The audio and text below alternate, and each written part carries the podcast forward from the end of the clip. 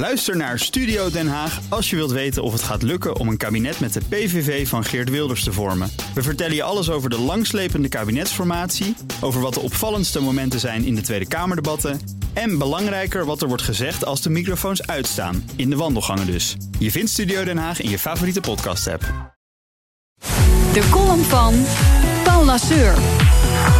Steeds meer mensen werken vooral s'nachts, meldt een bezorgde NOS dit weekend. Uit cijfers van het CBS blijkt dat het leger nachtwerkers in ons land de afgelopen jaren hard is gegroeid, tot 732.000 personen. De vraag naar al dat extra nachtwerk komt voornamelijk van distributiecentra van webwinkels. Ze hebben steeds meer mensen nodig om s'nachts de bestellingen voor de volgende dag te verwerken. Want voor de meeste webshoppers geldt, voor middernacht besteld is de volgende dag in huis. Het gevolg is een explosie van werkgelegenheid in de distributiesector.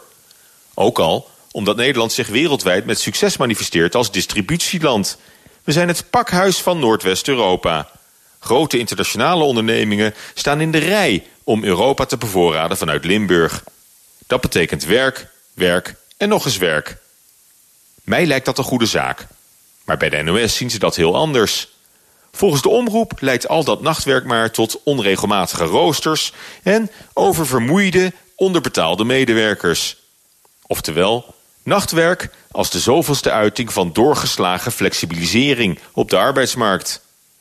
Waren het eerst nog vooral de maaltijdcouriers, postbezorgers en Uberchauffeurs die tegen zichzelf in bescherming genomen moesten worden, nu zijn daar de nachtelijke distributiemedewerkers bijgekomen. Maar zolang er mensen te vinden zijn die de onregelmatigheid in werktijden en inkomsten aangrijpen, zie ik het probleem niet zo. Meer flexibiliteit leidt immers aantoonbaar tot meer werk.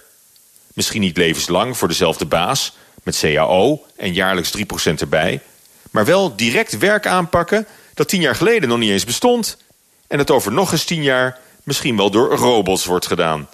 Dus heeft het ook maar weinig zin om daarvoor een contract voor onbepaalde tijd te verlangen. De digitale 24-uurseconomie is niet meer terug te draaien en vraagt aanpassingen van ons allemaal. Ook aan een nieuwe arbeidsrealiteit. Aan beide kanten is daarvoor flexibiliteit nodig. Die flexibilisering is helemaal niet doorgeslagen. Integendeel, dit is pas het begin van een onafwendbare modernisering van het arbeidsmodel. Aan de randen van de arbeidsmarkt zullen werkrelaties alleen maar flexibeler worden. Daar is niks mis mee. Dat is juist wel flexibel. Prettige maandag. Ook Harm Edens vind je in de BNR-app. Je kunt BNR Duurzaam niet alleen live luisteren in de app, maar ook terugluisteren als podcast, zoals al onze podcasts.